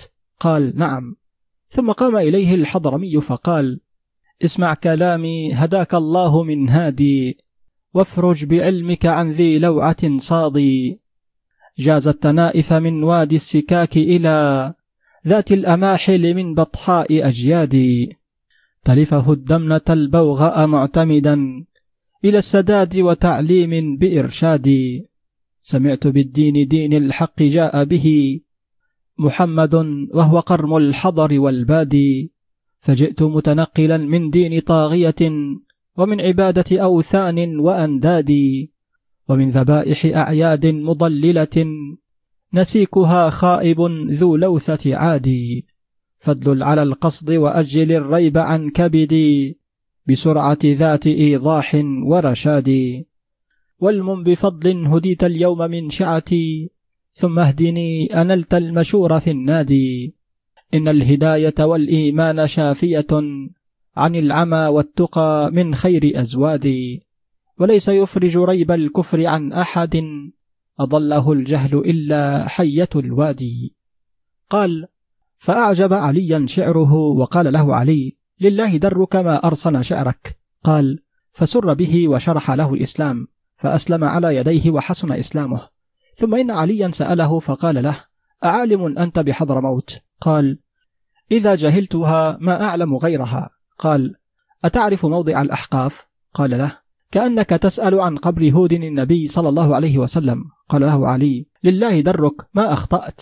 قال نعم. خرجت في عنفوان شبابي في غلمة من الحي ونحن نريد أن نأتي قبره. لبعد صوته فينا وكثرة ذكره فسرنا في بلاد الأحقاف أياما وفينا رجل عرف الموضع. حتى انتهينا إلى كثيب أحمر فيه كهوف مشرفة فانتهينا إلى كهف منها فدخلناه فأمعنا فيه طويلا. فانتهينا إلى حجرين قد طبق أحدهما على الآخر وفيه خلل يدخل منه النحيف متجانفا. فدخلته فرأيت رجلا على سريره فإذا مسست شيئا من جسده أصبته رطبا لم يتغير ورأيت عند رأسه كتابا بالمسند أنا هود النبي آمنت بالله وأشفقت على عاد بكفرها وما كان لأمر الله مرد. فقال لنا علي رضي الله عنه كذلك سمعت من أبي القاسم صلى الله عليه وآله وسلم.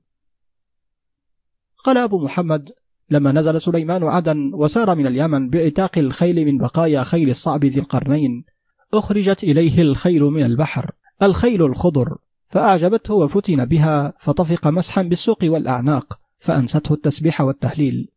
وقال بعض أهل العلم بل نسي صلاة العصر ثم ذكر الصلاة والتسبيح فقال ليبلوني أشكر أم أكفر؟ فأمر بالخيل الخضر فعقرت فزعموا أنها ردت إلى البحر. ثم سارت به الريح حتى بلغ تدمر وكان لخاتمه نور يقوم بين السماء والأرض فيزدحم عليه الطير في الهواء على رأس سليمان. ثم إن خاتم سليمان سقط من يده فذهبت الطير وسكنت الريح لما أراد الله أن يرى سليمان ومن معه من المؤمنين أن الدنيا وما فيها إلى زوال. ثم سلب الله سليمان ملكه ليبتليه. فلما سلب ملكه علم أنه لما نسي من ذكر الله. فخرج هاربا يجول في الفيافي ويتضرع إلى الله وأن شيطانا من الشياطين كان ساحرا كتب سحرا وجعله تحت كرسي سليمان وسحر به آصف كاتب سليمان وتمثل في صفة سليمان. وصعد على كرسيه ودخل على نساء سليمان وآزره آصف وهو لا يعلم أنه شيطان. فلما نظر آصف إلى فعل ذلك الشيطان أنكره وقال أبطل جوره على عدله الأول. ثم دخل على نساء سليمان فسألهن عنه فقلن له إنه يأتينا في المحيض وإذا طهرنا لم يقربنا. وقال أنكرت قضاءه لما رأيت من عدله وأظهره من جوره. ثم بث ذلك الشيطان السحر في الناس فقال ليس هو سليمان. ورد الله على سليمان ملكه. وقال بعض أهل العلم وهو الأقرب في رأيي. إن الله تبارك وتعالى لا يمكن الشيطان من هذا فيخلو بنساء النبيين. وقال قوم ذلك. إن هذا ابتلاء من الله لخلقه والقتل أكبر من النساء وقد قتل الكافرون النبيين. قال الله بسم الله الرحمن الرحيم ويقتلون النبيين بغير الحق ذلك بما عصوا وكانوا يعتدون. فلما رد الله على سليمان ملكه بقدرته وأتى فأصاب الخاتم فرفرف الطير على رأسه وعصفت الرياح وطافت به وهو يسبح وسبحت الطير والجبال بتسبيحه. ودخل قصره وقتل الشيطان ثم لم يمكث سليمان بعدما رد الله عليه ملكه ونعمته حتى مات صلى الله عليه وسلم. فكان عمره بعدما تزوج بالقيس أربعين سنة. فلما مات صلى الله عليه وسلم ابن قطن ابن همدان ابن سار ابن زيد ابن وائل ابن عبد شمس ابن وائل ابن حمير ابن سمأ والقلمس أفعى نجران وكان داعيا من دعاة سليمان بنجران آمن وحسن إيمانه. فقام خطيبا في أهل نجران واجتمع مؤمنو نجران فقال أيها الناس إن الدهر أنذركم والموت أدبكم فهل تجدون من ذلك مجيرا؟ وعنه محيدا إن الله لم يشرك أحدا في ملكه خلقهم للفناء واستأثر بعدهم بالبقاء. جعل الموت منهلا ليس عنه مزحل. إن سليمان نبي الله مات أعطاه الله ما لم يعط أحدا قبله ولا بعده فلم يك بذلك يدفع المقدور. ولا يصرف المحذور. ولما قرب الأجل اضمحل الأمل ونزل الموت عليه بالفوت. فهو لكم عارية وأنتم له تراث. فأضحى لكم نورا وكنتم له منارا. فمن استمسك فقد أصاب ومن ألحد فقد أخطأ. دعا فأصاب ودعي فأجاب. غاب وشهدتم فأدوا ما سمعتم وعلمتم. أيها الناس هيهات والله هيهات. أصبحتم بين طبقتين من الأموات تسابقون الساعات وتنتظرون الميقات. خلقتم قبل الوعد والوعيد وتقدمتم النبأ وجاءكم الخطاب وغاب عنكم الثواب وإلى الله المآب. خلقتم قبل كل شيء ولكم نفع كل شيء وعليكم ضر كل شيء فعليكم الشكر ولكم النصر. أيها الناس سمعتم وأبصرتم والسمع والبصر للفؤاد. فمن سمع وأبصر نجا ومن لها هفى وعهد الدهر لكم هباء. وثاركم جبار ولتعودن أخبارا ثم من بعد من أين إلى أين؟ ثم أنشأ يقول ألم يوجلك ذا الخبر اليقين؟ بذاك وإن نأى وقت وحين. ألم تر كل ما ولى وأودى؟ قرانا لا يعود ولا يكون. وما دنياك إلا حلم يوم تنبه كي تدان بما تدين. فإن الزاد محفوظ إذا ما. تحمل عن مغانيه القطين. ألم تسمع بذي القرنين لما تمكن عنده الملك المكين؟ وكان الصعب في الدنيا بصغو وجد الدهر فيه له قرين. تفضي طول مدته فأخنى عليه بصرفه دهر خؤون. تعدت فيه أسباب الليالي وأخرج من أمانته الأمين. فجاد بروحه لما دعته دواعي الحين وهو بها ضنين. لقد جار الخلود إلى مداه وبان فأنجم الأفلاك جون. ألم تر صاحب الملكين أمسى تحزمه عن الدنيا المنون. وكان عليه للأيام دين وقد قضيت عن المرء الديون. رفاهة ملكه يوما سواء عليه الغث فيه والسمين. على الكرسي معتمدا عليه يرف الخد منه والجبين إلى آخر الأبيات. قال أبو محمد لما مات سليمان بن داود صلى الله عليه وسلم ولي أمره في الخلق بعده ابنه وهو وصيه وخليفته رحبائم ابن سليمان وهو ابن بلقيس. ملك رحبائم ابن سليمان عليه السلام. فولي اليمن رحبائم ابن سليمان سنة فآتاه رسول بني إسرائيل من بيت المقدس فقالوا له إن أهل الشام ارتدوا بعد سليمان عن دين الله فاجتمعت إليه حمير. فقال له القلمس أفعى نجران يا خليفة رسول الله أردت الشام وأهله أهل بأس وفتنة لا يعطون إلا عن قصر فاجعل سيفك دليلا وعزمك خليلا. وأن للكفر طلبا من القلوب لا يحول بينها وبينه إلا الخوف ولن تخيفهم إلا بعزم وصبر. وإن الله المعين. قال رحبائم لله جنود بيت المقدس ينصرون الله وينصرهم. خذوا أهبة الحرب وأعدوا الجيوش حتى يأتيكم أمري. فإن السنة ما حلة والجدب عام. فتربص كل قوم من جيوش حمير عند أنفسهم. ومضى رحبائم إلى الشام وخلف أمه بالقيس بمأرب حاكمة على اليمن. وسار رحبائم إلى بيت المقدس فاختار من بني إسرائيل مائة رجل. فسار بهم على مدائن الشام فأجابوه إلى أمر الله حتى بلغ إلى أنطاكية فأتمروا به فقتلوه وهم من الجبارين من بقايا بني ماريع ابن كنعان ابن حام ابن نوح فقتلوه وقتلوا المؤمنين الذين كانوا معه. وتجبر بنو كنعان بإخوانهم من القبط ابن كنعان والنوب ابن كنعان فلم يكن لبني إسرائيل بهم طاقة.